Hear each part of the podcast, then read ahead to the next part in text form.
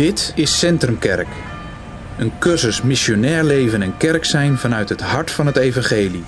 Gebaseerd op het gelijknamige boek van Tim Keller.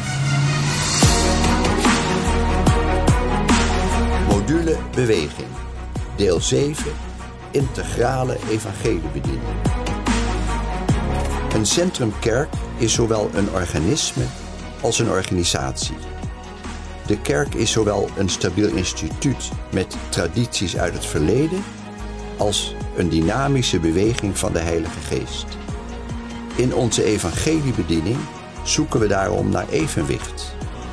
We wortelen in onze kerkelijke traditie en werken tegelijk samen met het lichaam van Christus om onze stad met het evangelie te bereiken. 23. Mensen verbinden met God.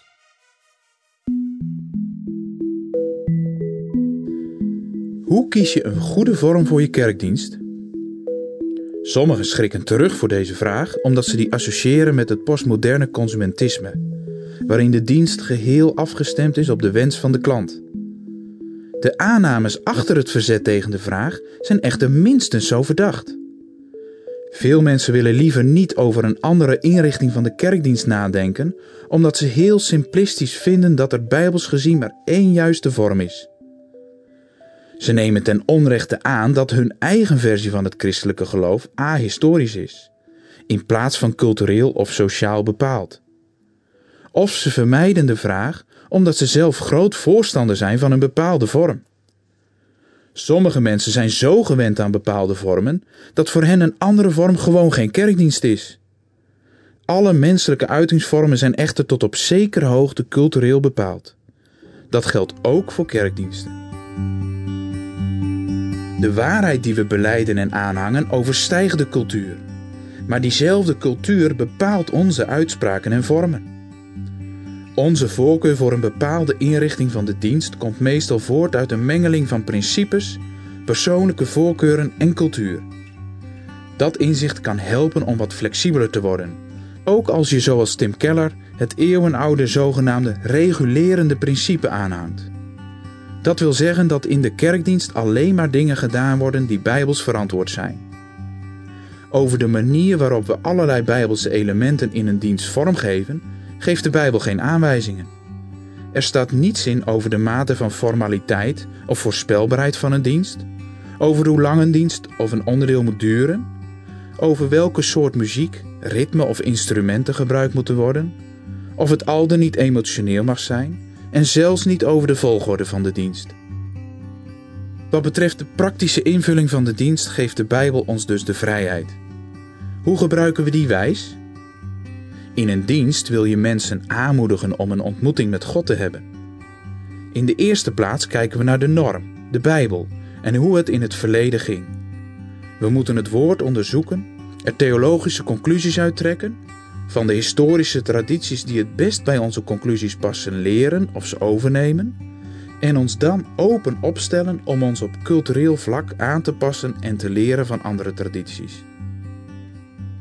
Verder is het belangrijk om na te gaan wat de mensen om ons heen aanspreekt en wat de mensen in de kerk aanspreekt. Onze diensten worden bepaald door onze culturele context.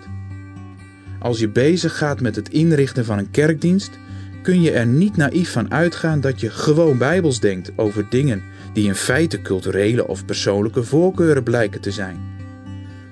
Denk aan de leden van je gemeenschap. Stem je diensten op hen af waar je maar kunt.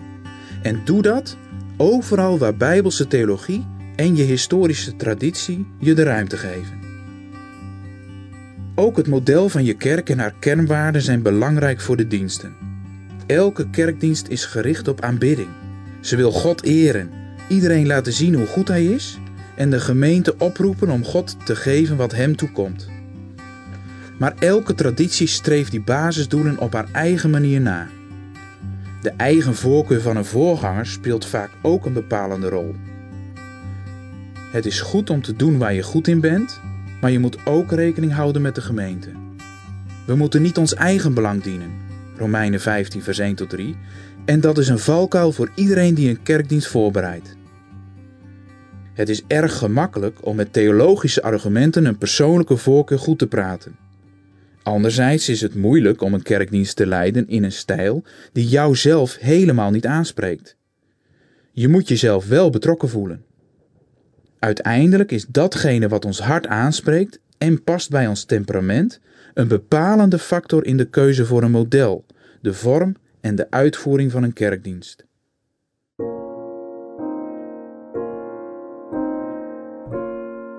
Integrale erediensten. De wekelijkse eredienst kan heel effectief zijn in het bereiken van niet-christenen en tegelijk christenen in hun geloof versterken. Integrale erediensten dus. Daarvoor moet de dienst zich niet exclusief op één van beide doelen richten, maar moet het evangelie centraal staan en moet er gewone taal gebruikt worden. Tim Keller ontwikkelt een bijbelse basis voor evangeliserende diensten op basis van twee teksten. 1 Korinthe 14 vers 24 en 25 en Handelingen 2.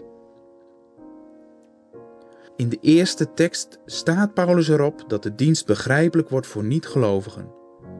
Profetie is belangrijker dan spreken in tongen. Waarom? Paulus zegt dat gelovigen door profetieën worden opgebouwd en dat ongelovigen erdoor worden beoordeeld en terechtgewezen. Het gaat erom dat ook niet-christenen tijdens een kerkdienst tot bekering komen. In Handelingen 2 lezen we dat de menigte te hoop loopt omdat ze de gelovigen in onze eigen taal horen spreken over Gods grote daden. Uit beide tekstgedeelten kunnen we drie dingen concluderen. 1. Er zijn niet-gelovigen aanwezig in de samenkomst van de gemeente. 2.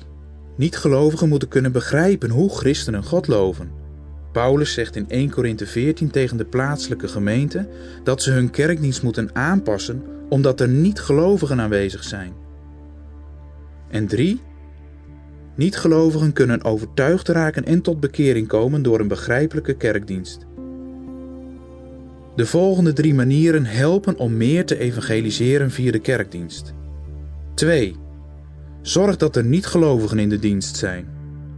1. De diensten moeten begrijpelijk zijn voor niet-gelovigen. En 3. Stuur aan op een keuze. 2. Zorg dat er niet-gelovigen in de dienst zijn. Dit is geen foutje in de nummering. Heel veel mensen denken namelijk dat dit de eerste stap is, maar het is de tweede.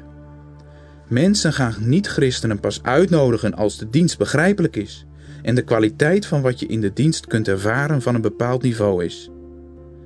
De beste manier om christenen ertoe te brengen niet-christenen mee te nemen naar de kerk, is de kerkdiensten afstemmen alsof er tientallen sceptische belangstellenden in de kerk zitten. Als we in onze diensten doen alsof ze er zijn, zullen ze uiteindelijk komen. 1.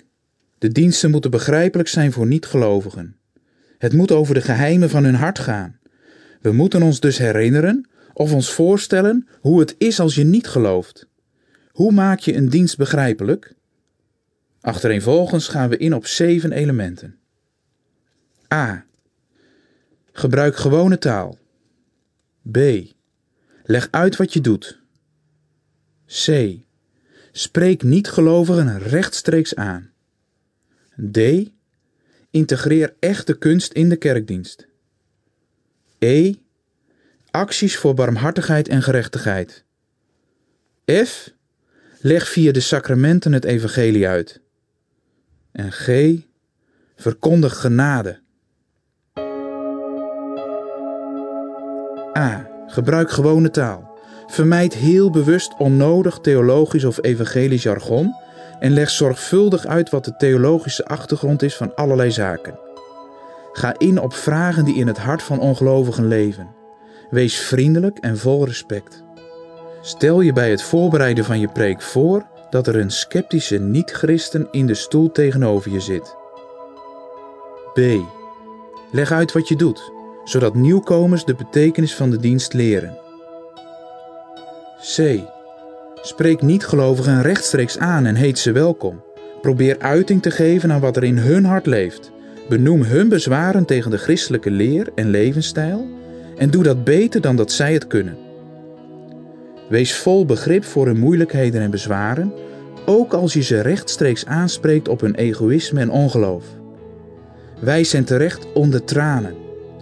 Het is ongelooflijk belangrijk dat de niet-gelovige merkt dat we hem of haar begrijpen.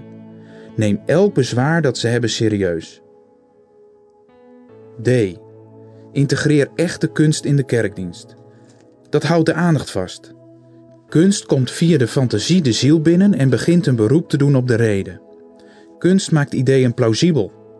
De kwaliteit van de muziek, je voordracht en ook de visuele schoonheid van de kerkdienst heeft grote invloed op het evangeliserende karakter, vooral in culturele centra. Voor niet-christenen is de kwaliteit van de uitvoering een belangrijke reden om wel of niet te komen. E. Schenk aandacht aan acties voor barmhartigheid en gerechtigheid. Daden maken geloofwaardig. Niet-christenen zien zo dat het evangelie invloed heeft op het hart van mensen. F. Leg via de sacramenten het evangelie uit. Laat een dopeling een persoonlijk getuigenis geven. Ook het avondmaal kan ingezet worden voor de bekering. Als het goed wordt uitgelegd, kan een niet-gelovige hierin heel duidelijk en precies zien wat het verschil is tussen leven met Christus en leven voor jezelf. Het avondmaal stelt iedereen voor de vraag of het goed is tussen God en jou. Nu, vandaag. Misschien is dat wel de meest effectieve manier om iemand te helpen geestelijk de balans op te maken. G. Verkondig genade. Er is maar één boodschap die gelovigen en niet-gelovigen nodig hebben, namelijk dat we alleen door genade gered en aangenomen worden. Het evangelie van gratis, overvloedige rechtvaardiging en ervaring door God is niet alleen de manier om toegang te krijgen tot het koninkrijk van God. Het is ook de manier waarop we steeds meer op Christus gaan lijken. Ook een heilig leven komt voort uit de boodschap van genade alleen. Een christocentrische verkondiging van het evangelie leidt tot groei van de gelovigen en vormt een uitdaging voor niet-gelovigen. 3. Stuur aan op een keuze. Niet-gelovigen komen soms tijdens de dienst zelf tot Christus, soms later tijdens bijeenkomsten na de kerkdienst. Als we ons bewust zijn van de soevereiniteit van God, kunnen we ontspannen evangeliseren, omdat we weten dat de bekering niet afhankelijk is van onze welsprekendheid. We moeten ons echter blijven realiseren dat God gebruik maakt van mensen. Als je mensen direct na een dienst uitnodigt om een extra bijeenkomst bij te wonen, kan dat ertoe bijdragen dat het woord beter vrucht draagt. Of zet bij de uitgang van de kerkzaal mensen neer die met zoekers kunnen doorpraten of bidden. Of organiseer een vraag- en antwoordsessie direct na de dienst. Hoe kunnen we een vorm kiezen voor de kerkdienst? Hoe kunnen we mensen verbinden met God? We moeten een evenwicht vinden tussen enerzijds de consumptiementaliteit die wil aansluiten bij gevoelde behoeften, en anderzijds onze egocentrische neiging om te denken dat onze eigen voorkeuren de enig bijbelse manier zijn om God te ontmoeten. We moeten heel bewust diensten samenstellen die effectief zijn in het bereiken van niet-christenen met het evangelie, evangelisatie, en die zich tegelijk richten op de opbouw van christenen. De voorwaarde is dat het evangelie centraal staat en in gewone taal wordt uitgelegd.